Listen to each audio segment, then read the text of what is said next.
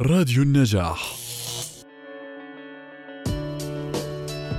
مثل ما حكينا في البداية عندنا أعراض رئيسية وفي أعراض ثانوية للوسواس القهري الأعراض الرئيسية هي الوساوس أو الأفكار الاستحواذية خلينا نسميها والسلوكيات القهرية. آه، إذا إذا كانت الموضوع موضوع فقط آه، وساوس فبكون هو أو أفكار فبنكون عنده وسواس وليس وسواس قهري.